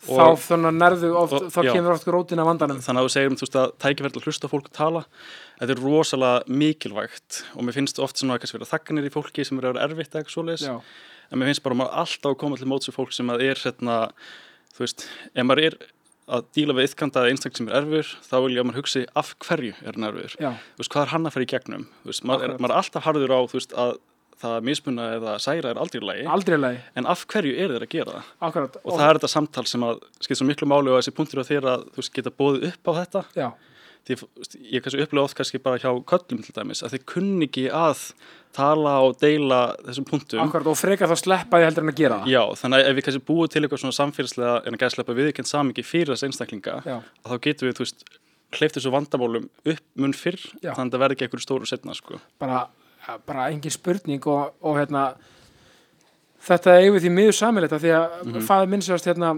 hann, hann, hann, hann fór þessa leið líka þegar ég er 15 ára gammal og, og þannig að ég þekki mitt nákvæmlega þetta munstur og þetta opnaði mitt rosalega, að skrýta að segja uh, segja þetta sko að svona áfall og svona, við, svona atbyrður það óskast hann aldrei gerst Nei, en þetta gerði mig á svo miklu sterkari mannsku fyrir vikið en ég vildi óskast að hann hefði bara getað verið með mér í, í þeirri vegferð og hjálpa mér í þeirri, þeirri vegferð en, en, en þetta er líka sko þarna hafið þið auðvitað eins og ég ok, þetta gerðist, mm -hmm. vest í heimi en þá verður við við getum ekki látið þetta enginn á okkur að eilífi við þurfum að reyna að taka eitthvað já- eitthvað jákvæmt út úr þessu sem er þá að mitt kunna meta lífið betur geta veist, vera opnari hérna, yfir því að tjá sig og fleira og, og, og fóldra þínir hafa greinlega implementað þetta á ykkur börnin mm bara, bara við allir bræðurnir, sko. já, Þetta sem er svo, myndi, ég fann það með þetta á á, ánum Alfons að, að, því, að, að, að nú er ég bara að tala við ykkur tvo ég þarf að hi- hi- hi- hitta, hitta þriða bróðurinn sko.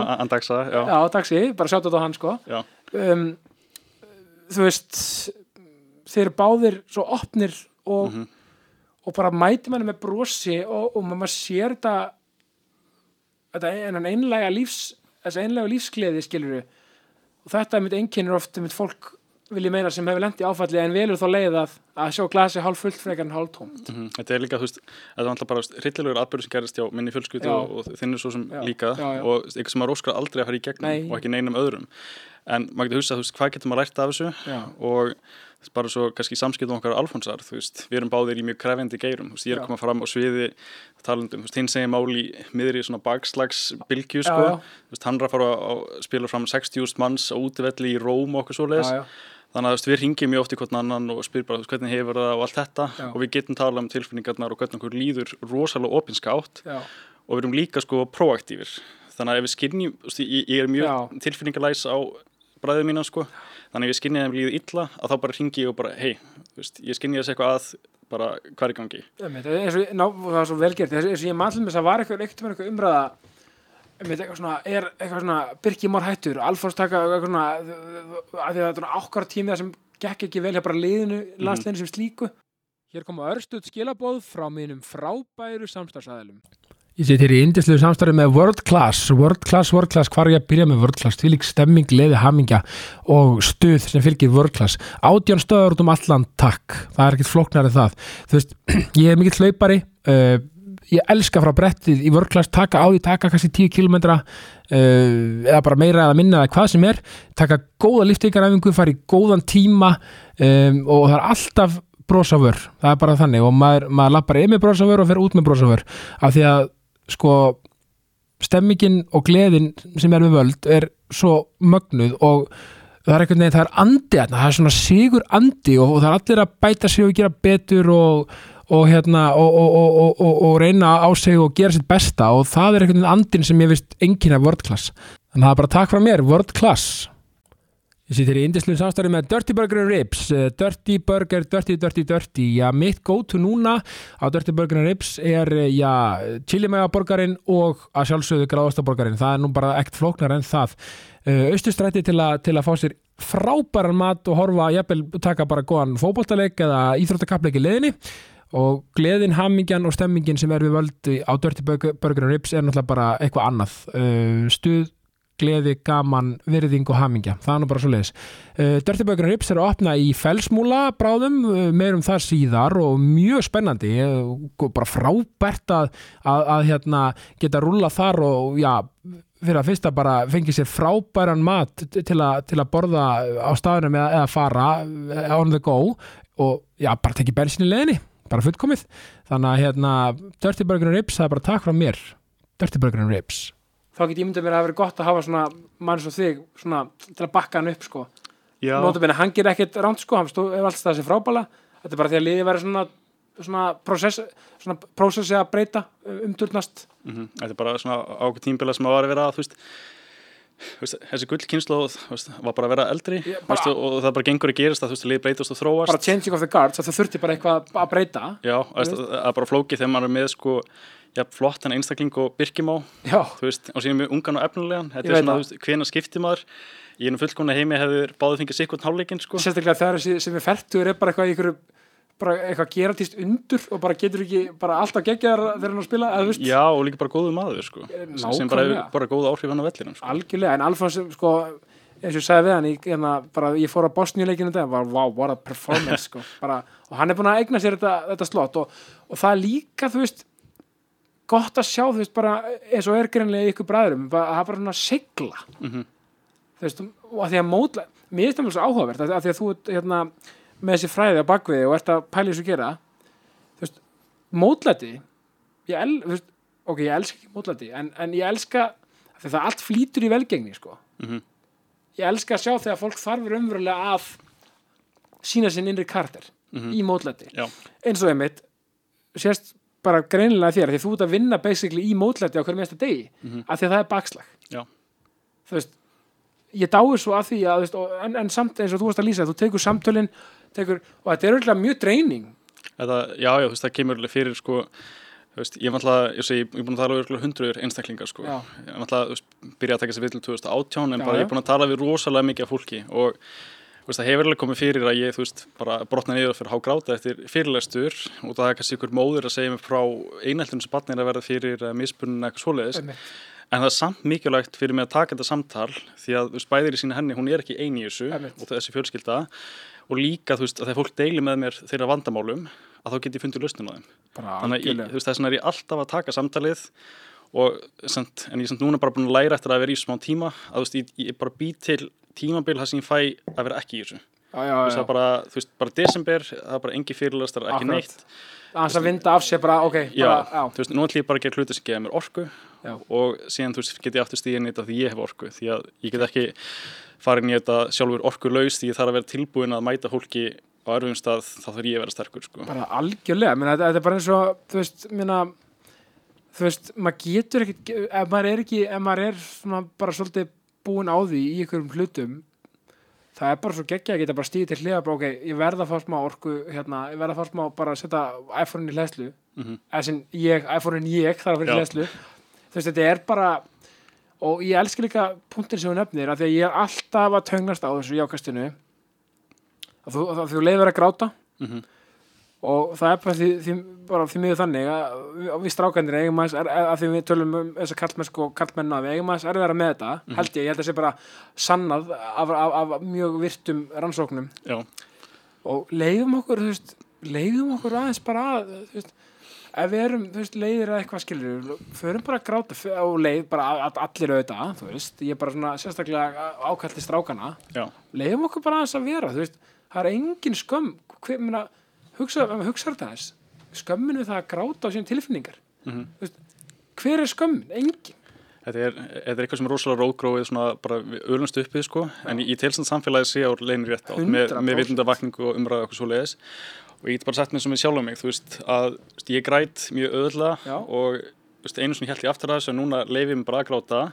Og ég meiri sér sko orðin eh, svona ógla, svona í takti mínu tilfinningar að ég get nánast grátið þegar ég vil. Já, og ég er bara búin að finna að ég er með svona playlist Já. sem er bara svona jarðarfara tónlist. Þetta eru Já. lög sem voru að spila í jarðarförunni hjá ömmu eða báðu ömmu mínum já, og, og frængu og eitthvað svoleiðis. Og ég næði svona muna eftir þessum sorglegu augnablikum og þannig að ég næði að gráta að það er líka svo gott að, veist, ef maður hefur svo, veist, þörf fyrir þessa tilfinningu sem kemur í öllum það er svo gott að hleypa í brút Já, þannig að þetta er svona sérstaklega veist, þegar maður er að vinna í geira það sem að er mikla tilfinningar og kannski mikið álag að þú veist, ég er ég tek mér bara tíma til þess að gráta. Já, þannig ég fer bara heim, leggst upp í rúm með heitum tól, hlusta á þessa tónlist og ég er bara svona, núna ég að hleypis út. Já, og þú veist, með tímanum hef ég náð ég næ bara alveg að losa, ég er léttur og þá get ég haldið áfram út í vikuna sko. ég líka held sko að fólk það sem leggur oft fyrir sig sko með svona tilfinningadæmi sko bara hvað, ah, hvað, hérna, ég þarf ekki að hvað, hvað laga þetta en í alvegni þegar fólk svo leifir sér að líða sko þú veist, ég held, ég held að allir geti votta fyrir þetta sem hafa bara einmitt, að þetta, þetta er líka það að, að, að líða vel uh, í eigin skinni og svona, þetta er og þegar ég tala oft um að maður geti valið sér viðhorf þó svo jákvæðin með ekki vera leikþáttur og, og að kalla það nú allir út strax sko. En það er hægt að hafa vera ják, á jákvæða spíralum og segja ok, ég ætla, ég ætla þetta verður góð dagur. Mhm. og það er eins með þetta, maður getur valið sér það ok, ég ætla bara að lega mér að vera og maður getur valið sér og að það er líka það er líka bara svona að vinna eins og þess að þú, þú talar um að hafa rosa fundið þetta hjá þér veginn, Mhm. það er líka að vinna bara að finna sjálfa sig og finna hvernig maður fungerar tilfinningarlega Já, og líka bara lefa sér að vera veist, ég er bara búin að læra hún að sjálfa mig og ég veit, ég er mjög viðkvæmur og, næmur einstaklingur. Já, og einu svona skammast mig fyrir það. En núna er ég bara, veist, þetta er ákveðin hæfileik sem ég hef, veist, ég get lesið fólk mjög vel, þú veist, hvernig þeim líður og allt svoleiðis uh, og ég ætla bara að leiða mér að vera þannig, veist, þannig að ef ég þarf að gráta ég gera kannski ekki öllum samhengjum nei, en nei. þú veist, ég, ég leiði mér samt að gera og ég fundi líka ef ég sapna hlutum inn í mér að þá springi ég setna á neikaðan já, þannig að frekar bara hleypast út, þú veist, þegar líka minn er að kalla á það, sko. Algjörlega og bara þekkja sjálfan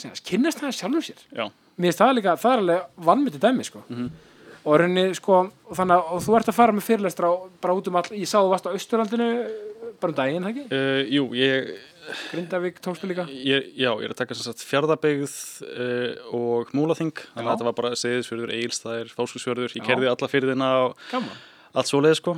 Þannig að það er einmitt, veist, þessi partur í því að þú veist, allir, það er allir íþjóttumenn jafn mikilvægir í mínum huga, saman hvort séu í stóru klúbunum í Reykjavík eða þú veist, í hérna í Neskjöpstaði eða eitthvað svoleið Já. sko. Algjörlega og ég meina og þú veist, það er líka bara svo mikið vegt að sko að tala um þetta því að sko maður hugsa þetta sko, ég var að ræða þetta við áðan. Paldi því, þú veist, Premier League ég, ég, sko, þetta þetta er bara þetta er náttúrulega þessi bara gamla tukka sko.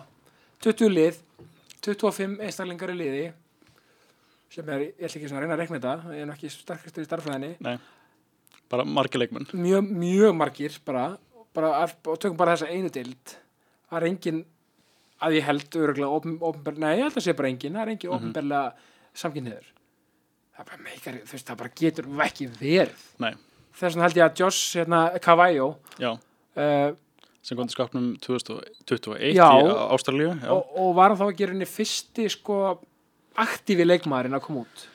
Allavega með þeim fyrstu. Mm, hann var kannski svo sem fór rosa mikið fjölmjöla Þa, það Já. voru einhverjir á undan en þeir voru kannski í næri deildum í Svíþjóð eða eitthvað svoleiðis. Alveg rétt, já, hann, var svona mjög opinber með þetta. Og opinber í deild sem var actually með eitthvað sínuleika sko. Já, Eh, Eirík, já. þannig að hann í raun og reyndar hóf minn feril minn feril hófst út af því hann kom út úr skápnum. Já, það var svona, svona, svona nistinn sem Nei, sem sagt, uh, Rúf ringdi í mig út af því hann kom út úr skápnum. Ok. vitna í ríkjarina mína. Ég fer í vittal og í kjölfæri ringi samtökin í mig og bjóða mig starf þannig að ef hann hefði ekki komið út væri ég ekki hérna í podcast í dag sko. sjátt þetta á Josh Já, þannig að þetta er við svona butterfly effekt sko. Já, er hann ennþá að spila í eilíka, veistu það? hann er ennþá að spila sko, Já. og síðan þá hafa margir leikmenn í viðbót komið út úr skápnum sko. Já, nákvæmlega. Ég bara hugsa skilur þetta, þú sko eilík er báðið þannig fyrir fólk sem átt að segja það er svona Australian League þegar hann er Já. er svona, er hann ekki Australi? Uh, ég held það já já, þú veist það að því að orðberar og svo mikla ábyrð uh, og allt þetta það er svona hefði nefnilega verið svo töff líka sko, ég, ég er alltaf að hugsa um þetta sáti Arabíu dæmi mm sem er. Uh, að því að sko til dæmis kultúru þar er ekkit frábær fyrir því miður, fyrir samkynna alls ekki alls sko. ekki, bara, þannig að það sé sagt. Það er verið svo cool sko og það er ekkert að tala um landi að flesta sem búa þarna því að það er að vonandi bara, bara mjög lítil minnluti sem, sem er, og háar minnluti því miður, Mhm. sem, sem lætur svona en veist, það er bara svo töff ef eins og að því að Cristiano Ronaldo sko, hann ofta er minn maður sko Mhm. að ef hann hefði bara svona sagt bara, nei, ég stið margtindi Mhm. og, og bara almennt og ég vil ekki fyrir en að þetta kem, kemur, kemst í lag þessi stemming í Sáti Arabíu að þá mun ég ekki stíga þá inn í mun ekki þetta. vera að spila þarna þú veist, það er bara svo sterk rödd. Mhm. maður er svona býð til þessu sko. Það er alveg rattir í, í þessu. Já, 100% En- en, en bara, hann er svo rosalega Ros- stór. rosa sterk sko ef, þú veist, ef hann eða Messi eða veist, Mbappe eða eitthvað svona eitthvað af þessum gaurum sko. Já, myndi bara stíga frá já, að því, þú veist, eins og bara þú sérst bara EM að það síðast. Menn hann Mhm. sagði bara Coca-Cola no, bara veist, og það bara fór bara eitthvað markas fyrir kók bara nýður þann daginn. Mhm. af því hans, ég drekk vatnir takk. Eitthvað svona, Það er líka með leikum sem eru svona stórir þú veist, Já. þeir eru stærri heldur en sko öll batteri bara stærri en ákveðna þjóðir að einhverju Já. leiti þú veist, þegar Ronaldo myndi segja þetta þeir myndi ekki kötta samningin hans vegna þess að hann er sko mjög mikilvægur í þessum íþjóttaþvotti sem er í gangi akkurat núna. Já, já. Þannig að þeir gæti ekki, þeir myndi örgulega bara spila með sko. E, algjörlega og svo þú veist, ég, þú veist, gæinn sko hann, hvað, þú veist, hann, hann þarf nú alltaf að bæta við sko 20 hérna, Lamborghini við hinar 20 sem hann á. Að skilur við, maður hugsa svona hvenar er no no en auðvitað, auðvitað svo ætlum ég heldur ekki að, fara gaggrina einstakleika sem fá kannski veist, einhverju gaurar bara sem er í vúls eða eitthvað, hvað- fá bara áttföld laun bara eitthvað, þú veist, maður veist, ég ætla ekki að gaggrina þegar ég er í þeirri stöðu sjálfur. Nei, nei, og við tekur hugssjónuna fram yfir skilur að geta bröðfætt fjölskylduna eða skilur, auðvitað ámar að hugsa um hugssjónuna Mhm. en eins og fyrir þessa gaura þá er þetta kannski hans erfiðar en ég er bara að segja þessu Ronaldo hann er bara svo stóra rödd. Mhm. hann er líka undir lók fyrirlisins þetta er allt öðru þú veist að vera eitthvað aktivisti þegar maður er tvítur, veist, hann er komið stótt andlit, fyrirlin hans er að klárast. Já, veist að núna er fullkomið tími en hann er að spila og hann getur þá transferað yfir í eitthvað skonar svona sendiherra hlutverk í ykkurju sko, Já, sem hann mun pottið gera. Já, það er líka bara með verða átt að sagði hversu mikil áhrif mann geta haft. Já, að því að það eru svo, að þessi baróta er svo sko, hún er svo bara að þú, að þú tala um, um bakslæðan, þetta er svo ennþá bara veginn svo mikið, þú veist, bara ótrúlegt um satt. Mhm. það er þetta samt svo mikið baróta ennþá þú veist, ma maður bara, ma maður eiginlega bara trúir því ekki. Nei, þú veist, þannig að veist, við verðum að hérna, aðeins að gera betur og svona átt okkur á sko og hlusta á það sem er eins og þig sem er að tala um þetta og, og, og, þú veist, og ferast úr landið og ég er bara hveit alltaf til að bara kíkja fyrirlestur hjá þér. Af því þú veist það er svo mikilvægt. En líka bara þess að tala kannski aðeins meir um homa í knastbyrnu því það er hérna eitthvað sem ég er ros, rosa mikið spurður um. Uh, það var núna í februar að koma út að leikmaður í texanska landsliðinu og Já. núna eru, núna liðið hálft ár síðan og ég var svo spenntur að sjá sko að reyta að koma út úr skápnum. Já, en hvað gerist þegar hann kemur út, hvaða Akkurat. viðbyrðu fær hann? Og hann var að gefa út sem sagt, bara yfirlýsingu, núna BBC fyrir nokkur nöðu síðan uh, sem voru algjörlega fram hjá fjölumölum hérna á Íslandi, uh, flestum allavega ok. að hann segist ekki ef orðið fyrir neinum tæljandi fordóm frá stúkunni á Ok. Ít- og hann er að spila á Ítalju og þar grass er nú stundum smá fordómar. Eða þú veist maður sé bara hvað Lukaku þessir hafa upplifað veist, með Já, rasism og allt svo já, já, ég segi það sko. Og hann segist ekki finna fyrir neinu sérstöku þar og hún er líðið bara mjög vel og ef hann geti fara aftur í tíman myndi hann gera þetta aftur. Já, og kannski fyrr. Og, og kannski fyrr sko. Já, já, þannig að hann sem sagt fer sko úr teknumstildinni upp í þá ítalsku þannig að hann tekur skref upp eftir hann kemur út úr skápnum. Þetta er þetta frábæð punkt og hann heitir Jakob Janko og þetta er það sem erum búin að býða eftir svo lengi. Það er eitt að fá frábæra fyrirmyndir hos Just Cavallo en hann er í Ástralíu. Þannig að hann er komin leikmann í topp 5 deild í Európu og hann segir bara af hverju ekki ykkur löng komin út? Þetta er miklu minna málinn í hjælt þetta er ekkert mál hjá leikmannunum í liðinu. Já, þú veist, þeir bara bjóða mér í þú veist, göngutúr eða út að borða eða hvað það er eins og þeir gerðu fyrir sko. Já, ég held, og það er svo góða punktur, ég held líka að menn og, og bara íþjóttafólk almennt ég hef nefnilega upplegað þessum með klefa veist, það, bara, þú veist, það er svo valdablandi og verið svona liði og svona stemmingu og það sagði til hérna ykkur podcastinu sko, að hann var- var fótboltamæður sagði sko, já, ég meina, meiri sér að tvöðust eitthvað lítið, Já. ef ykkur er komið til skáftum með liðinans það fyrir liðin og sagði bara, herru, gefum hérna gefum Dotta eitthvað klapp já, vel gert, bara, bara, bara takk fyrir að segja þetta og bara fyrir fyrir út að skokka, eða eitthvað skilur Mhm.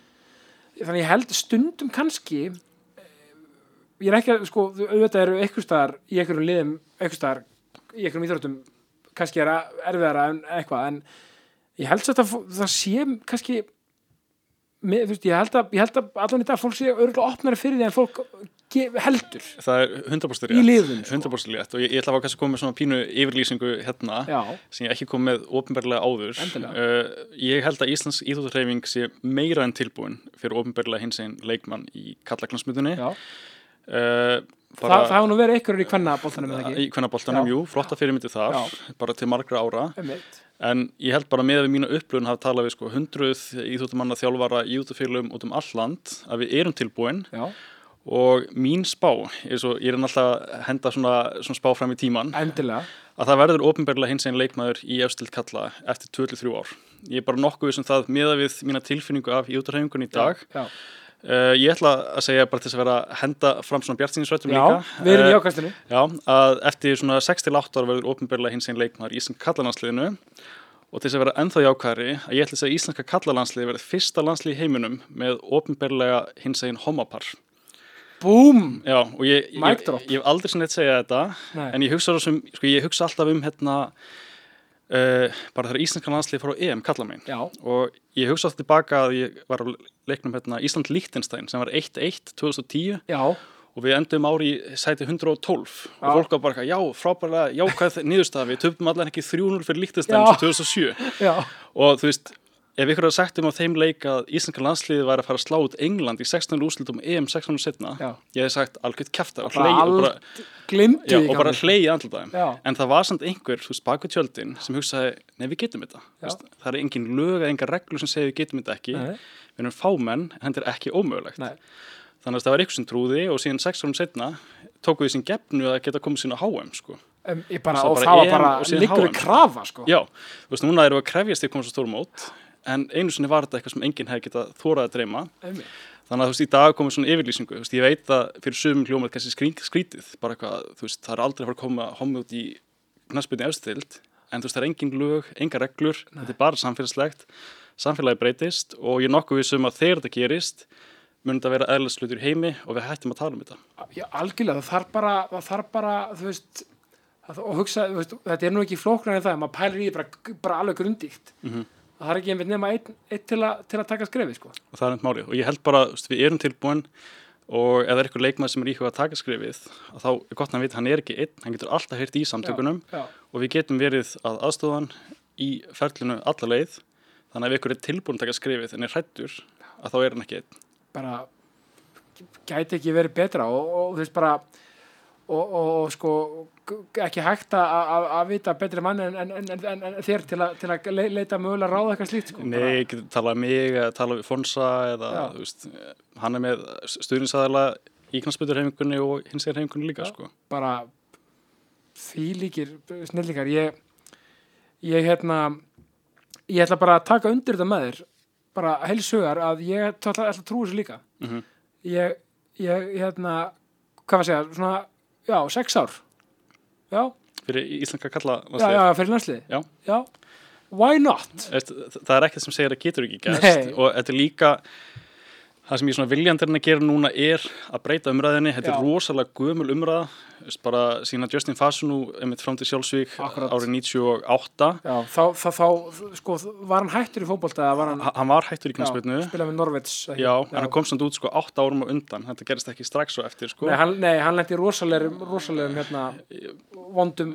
Bara, já, Já. bæði tengt knastbyrnu en líka það voru alls konar hlutir utan vallar sem tengdust, þannig að það var Já. ekki bara tengt nei. og það er mjög áhugaverð heimildamind um hann sem ég bara hvet fólk til að horfa á, mjög áhugaverð sem lýsir, lýsir kannski ástandinu á þeim tíma? Já, en svona það atvik hefur rosa mikið lita knassbyrnuna, svona kannski draugur fasa nú hefur verið yfir fótboltana mjög Já, lengi. já, en þú veist, ég held núna að loksins eru að geta fært okkur úr því að bara að, að setja samansæmerki millir þess að koma til skápnum í knassbyrnu og bara sjálfsvík já, yfir í að við getum komið til skápnum og fengið stuðning þannig að það er komið tími til að uppfara umræðina og það er að fara að gerast núna á næstunni algjörlega og frábært líka dæmi með hann hérna Gaur frá Tjekklandi því að ég man, ég, þú, þú sagði þetta, ég að gleyma þessu nefnilega þegar þú nefndir hann, ég man að þetta var, í fjölmjölum hérna á Íslandi bara fyrir þegar hann kom út sko Já, ég, ég fór í viðtal hérna í februar, þá er myndið voru að tala um þetta sérstaklega. Svo, hún var svo spennt að heyra hvað mun gerast næstu mánuði, sko. Akkúrat. Og, og núna við veitum við svarið og eins og líka í topp 5 dild skilur við, þetta er Já. ekki eitthvað svona einmitt, eh, með með fullir virðingu fyrir deildum sem er ekki topp 5 eða skilur eins og, eins og eigi líka eitthvað slíkt Mhm. en eins og sagði, þetta er rosa skref þegar þetta er í, í svona dild Það er mjög mikilvægt í líka að fáið svona svo stóru fyrirmynd. Því stóra fyrirmyndir, veist, sjást á svo mörgum stöðum, sko. Já, og þarna kannski kemur líka narratífan sem við tölum í byrjun, sem er fjölmiðla og svona og veist, ég geti ekki að lítið um fjölmiðlum, ég bara segja ka, þú veist það væri mjög auðvelt að finna einhverja neikvæða frétt um um, um, um þetta Akkurat. dæmi, þú veist, bara já, eitthvað sem kom út og, og skilur og allt umlegt og eh, skilur þú veist en, en sem getur líka auðvitað gæst skilur en en, en en þú veist törum líka um þetta með nákvæða þetta dæmi þú veist, hann, hún er líka vel og bara, hefur aldrei verið betri Já, og líka þú veist, jújú, jú, hann hann sagði alveg, hann er orðið fyrir einhverjum fordómum. Já, en, en, já, en þú veist, maður má svona ekki gleyma veist, það er erfitt að vera atvinnumæður í knaspinu þú veist, þeir verða fyrir ég ætla bara að eiginlega örugglega allir leikmenn verða fyrir einhvers konar aðkasti bara frá stuðnum sem eru andra að liða og eitthvað svoleiðis, þannig að þetta er ekki bara eitthvað sem einskorðast við nei. þú veist, það að vera svartur og maður er þessi, fólk er að henda banana í leikmenn og okkur svoleiðis. er þannig að veist, því miður er það raunveruleikin að maður verður fyrir atkastið og mótleiti Já, svo, er- svo, svo er kannski eitthvað persónulegt sem einhver hefur talað um ykkur viðtali að fólk kemst að um viðkomandi þá fer það, þá fer mannskapurinn að reyta því í, í, viðkomandi sko. en allan að í tilfelli Jakob Jankto þá segði hann þetta sé ekkert meira heldur en hjá okkur um öðrum Nei, þannig að þú veist, álægið er bara mjög svipað sko. Já, og, og þú veist bara bara bara áfram áfram það að vera maður sjálfur Akkúrat. og, og bara og, þó- og, og, og, og það að þóra að vera maður sjálfur í öllum aðstæðum þú veist, að því að ég er, ég líka ofs að tala um þetta þú veist, að það er, svo, það er alveg erfitt að vera maður sjálfur Mhm. og það er alveg krefst vinnu og það, kref- það er svo auðvelt bara að vera bara alltaf ykkur leikiriti sko. Mhm. en þú veist þórum að vera við sjálf bara nummer 1, 2 og 3 Mhm. af því að þú veist af því að hérna og, og bara ég dái svo mikið að hugreikinu í, í og ég held að heimi batandi fer, ég held að ég, þetta hefur verið að vera sagt sko, í, bara síðan að heimurinn var til og mannkinni var til en mér finnst samt vera rosalega mikil breyting núna í hugafæri fólks sérstaklega unga fólksins sem er að koma upp í dag. Mhm. og veist, eldri kynnslur það er alltaf, eitthvað gaggrinni á ungdóminn en sama á hvað tímbilið það er sko. En mér er svona, mér er svo rosa sterk svona mér, mér er svo sterk svona kartarengin í dag þú veist að því að nú eru bara verið svona svipið um aldri. Við, Já, við, við erum upplifað marga kynnslóðir við, við við erum bara svona sama kynnslóðabili sko. basically sko.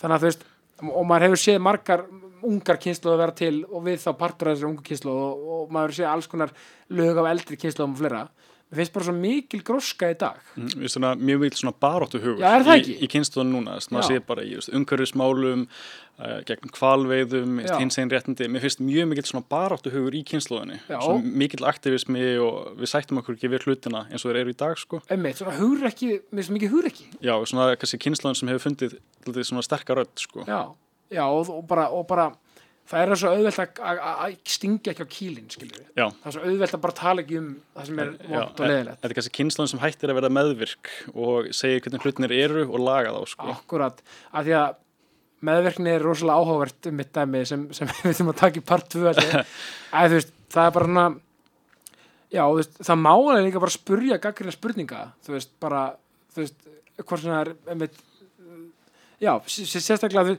að því, þú veist, mann skepnan er svo held ég bara óðan að fá bara svona óþægilega spurningar, skilur, mm. bara svona, það meina ég bara svona eins og e, þessum challenge er eitthvað svona gamalt rótgróði samfélagslegt dæmi. E- eins og veist, það er engir hómar í fótbolta. Já, einmitt, og svo bara allir kemur ykkur bara, bara, tök, bara segjum mér svo þú bara og ert bara með fyrirlestur um þetta og ert bara, bara að tala um bara hlutinni sem eru þá svona getur það með, það stuður og glótur á marga sko, Mhm. sem er bara, og það er bara frábært að stuði fólk. Sem er svona pínu markmið ég, ég er að stuða þau til að fá þau til að hugsa. Já, veist, þannig að þetta er bara gert þess að veist, og þetta er satt, ég er ekkert að ljúga neinu þetta er alltaf byggt á gögnum. En algjörlega þau þurfa bara veist, þetta er alltaf fakt checkað sko en veist, að, að fólk sé meðvitað um er í gangi já, því að það, það hefur bara gott að það vil enginn vera staðan að því að segja ykkur hluti sem eru síðan bara kolrángir og mögulega fornumafullir en þau kannski veit ekki að því. Akkurat Það er svona þarfum við nákvæmlega þetta, þessa fræðslu. Fræðslega nummer 1 og 3 sko. Ég, aftur, ég elska þegar fólk er bara til ekki tilbúið að viðkenna bara vannmátt og bara vannvittnesku Mhm. þetta er nýtt orð, vannvittneskja bara það veit ekki hluti. Já. og veist, það er ekkert að því, ég meina bara frábært að maður bara, hei, ég veit bara frættu mig, mm veist. Ég elska þetta viðhorf. Mhm. bara ég tel það aftur, það eru flesti tilbúinir að læra, ég bara ætla að lega mér að fullir það. Ég er alveg sammála því sko. Já. Já. að þið verður svo jákvæðir líka. Ha, já. En þá svona aðeins í lokin svona hvernig þú veist, bara, ó, ég, ég, ég er ekkert eða peppaður hérna, ég er bara svona valda el, elftur hérna. Sko, hvað myndir þú segja þessi skemmtilegasta sem þú satt já við í bóði Makland, Dinjanda og KS Protect það er frábær spurning Já, sko. Jú, ég, hvað held, myndir að hugsa? Ég held að það skemmtilegst að já við var uh, ég var í Sundi og Já, og var bara eitthvað svona kæft að hópa frjálsýðastrákum og síðan var eitthvað einn að tala um hérna uh, bara strákur, ég er að pæli að fara í röðina til að fá áspyrður á Dunkin Donuts. Ok, og ég var bara eitthvað svona, já, já, YOLO. Þannig Já. að ég fóð með á hérna, hópa strákum sem ég þekkti ekkert á þessum tíma. Já. það voru strákur í öðrum liðum í frjálsum. Já, og síðan, þú veist, alltaf ég að beila og þeir ætluðu að beila en við þorðum ekki að beila hvern annan, þú veist, þú erum búin að peppa þetta sátum hérna í röðinni og fengum áspyrðara kleinurhingjum. Ég held að síðan þá sko, þetta eru bara einra mínu bestu vinum í dag eftir þessa einu reynslu. já, Uh, ég var oft kallaður kleinurhingja unnandinn í vinnunni því að ég var kallaður í viðtal og rúf sem eitthvað áspyrðar eigandi á kleinurhingjum. Jú, fyrsta skipt sem ég fór í fjölumila reynsla og þú veist, ég mætti með kassa kleinurhingjum í hverju einustu viku í vinnuna annarkot á Kópásvelli eða sem húsverður. Já, þú varst bara, bara, bara bókstalaði með bara áspyrðir af Dunkin Donuts. Já, og ég, ég, við kláruðum þetta, sko, alla 300 og eitthvað kleinurhingjana og ég, ég ætla að ramma þetta inn einhvern tíma kortið, sko. Vel gert. Uh, ég held að það sé svona kannski skemmtilegast að ég ásinn sagt því að þú veist, ég egnaði svo marga vini sko í röðinni. Já, því við sátum þarna í þú veist, hálfan daga eitthvað yfir nóttina. Og þetta er bara svona kannski með skemmtilegur sögum sem ég get sagt horfa, allir baka sko. Þetta er besta svar við þessar spurningu sem ég Já. sko. á öllum öðrum ólöstum sko. Já, að þetta er svona, einmitt, jó, jóló bara Mhm. já, já, þú veist, svo er þetta bara geggjaði vinir í dag og bara og, og mjög góð saga til að geta sagt sko. sérstaklega þú veist þegar ég er að vinna í sko íþróttum og líðhelsu Já. að vera þekktur sem sko kleinurhingju unnandi í viðtal og rúf það er alltaf ekkert eðlilega gott sko. Já. Vá, hvað þið, já, vá maður, þetta, þetta er frábært og þá er það rauninni um, í lokin svonni kvartning og valdefling og pepp út í daginn í búið vorklass netto og og, og, makland Makland, já. Bara, bara, svona já, bara svona þú veist bara þú veist bara svona þessi mitt ráði eitthvað svo já, bara svona sem þú vilt bara svona valdeflinga mannskapin bara svona út í, út í daginn. Mm, er kannski tvent um, það mun verið stuðningur í samfélaginu heldur fólk gerir ráð fyrir á öllum sviðum. Já. þannig að gott að það baka eira að þið eru ekki eini í því sem þið eru að fara í gegnum það er alltaf einhver sem þið getur tala við. En hjá mér er það fylgið ykkar einn tímalínu og þetta er rosalega mikilvægt að fólk er að stressa á því, þú veist, ég er að klára masterinn 25 ára, er að koma í íbúð 30 ára, komið komi, punktur. komi 2,1 barn þegar ég er þú veist, 33 fyrir hagstofuna veist, vera eh, bara fluttu til tenni 65, þú veist, það er allir Já. að fylgja einhverju tímalínu sem er teiknað upp í fjölmjölum sem svona drauma veruleiki, íslenski draumurinn þú veist, fjárfyrsti steipu og allt þetta aftur narratífan sko Já, bara sem við könnumst við í félagsvæðinni, þetta er svona Akkurat. á, ákveði leikrið sko. Uh, en þú veist, fylgja ykkar eigin tímarinn, þannig staðan fyrir að fylgja því sem þið sjá á Instagram og í fréttunum og stressa ykkur á því að þið sé ekki orðin fóröldur á x-aldri eða búin að læra eitthvað x-aldri, þú veist, pæli ekki í því og ég tala minni reynslu að þú veist, það sengu sömur hlutir hjá mér þó sem ég var kannski sama tíma og aðrir vinni mínir í námi og vinnu og okkur svoleiðis Já, að þá senkaði sko minn félagslegi kynþróskildi mikið. Því Já. ég fer inn í skápinn 12 ára, kem Já. út 18, þannig að ég kannski ekki byrja að deyta fyrir en ég er þú veist 20 ára og fyrst var ég alltaf að berja mig niður og skammast mér fyrir að vera svona setna, þú veist. Þú veist, ég kisti eitthvað fiskið því á tvítur og eitthvað svo já. en sín hugsaði ég, nei þú veist bara mín tímalína er önnur. já, Því að minn félagslegi kynþróski var setna, hjá öðrum er þetta öðruvísi á öðrum sviðum, þannig að fylgjum okkur einn tímalínu, hættum að stressa okkur af því hvað við höldum að sér rétt einmitt, nákvæmlega Og- það og- er ekkert rétt að rátt í þessu og ekkert annað því þessu og það eru svo margir í bara í kringum mig sem er að stressa sig á því að þú veist, við erum ekki búin nákvæmum sko árangur í ákveðnum tíma. Bara barn, bíl, hús, hundur 20, bara 30, bara, þá er þetta ekki veist, þá er þetta bara ekki nógu gott sko. það er, það, það er ekki, ég er svo sammálaður þetta Mhm. er ekki svona, Nei, ég vil að fólk sé ekki oft með þetta um að maður er með eitthvað svona inngróði mótel af þú veist, hinn er rétt tímalínu. Akkurat. En þú veist, þú veist, ég er búin að skipta um vinnur nokkur sunnum og þú veist, ég er búin að fara að hinga og þanga og eitthvað svoleiðis og ég er bara rosalánaður, þannig að í dag þú veist, reyni ég bara að fylgja flæðinu og þú veist, það kemur bara ljós það sem kemur ljós, lifum í núinu já. og fylgjum okkar eigin tímalínu. Vá, mic drop, bara you do you sko, bara, bara þú veist, og aldrei skammast þín fyrir að vera á okkur í vegferð eða eitthvað slíkt eða hvað svo þú að gera, þú veist, þetta er bara þín vegferð og þín tímalína, þetta er svo, mm gott að vera tímalína. Mhm. þetta er alveg frábært. Svenni, sko takk fyrir að valdefla mig út í daginn. Já, takk. Og bara takk fyrir að koma í ákastið mín er alltaf öll ánægjan sko, ég bara, hérna já, ég, ég mæli með að hlusta á hann þátt. Það bara svona, hann er mjög skemmtilegur. Já, og, og bara, þú veist, ég bara já, ég, ég, ég sjaldan verið að peppa þér. Já, bara, svonnið, bara aftur, takk kjælaði fyrir komuna og, og ég enda bara því að segja ást og friður. Já, bara takk kærlega fyrir mig, ótrúlega gaman að kíkja í heimsókn sko. ég, mín er öll ánægjan sko, og bara, þú veist aftur, you to you sko. Já. Takk. Herri, takk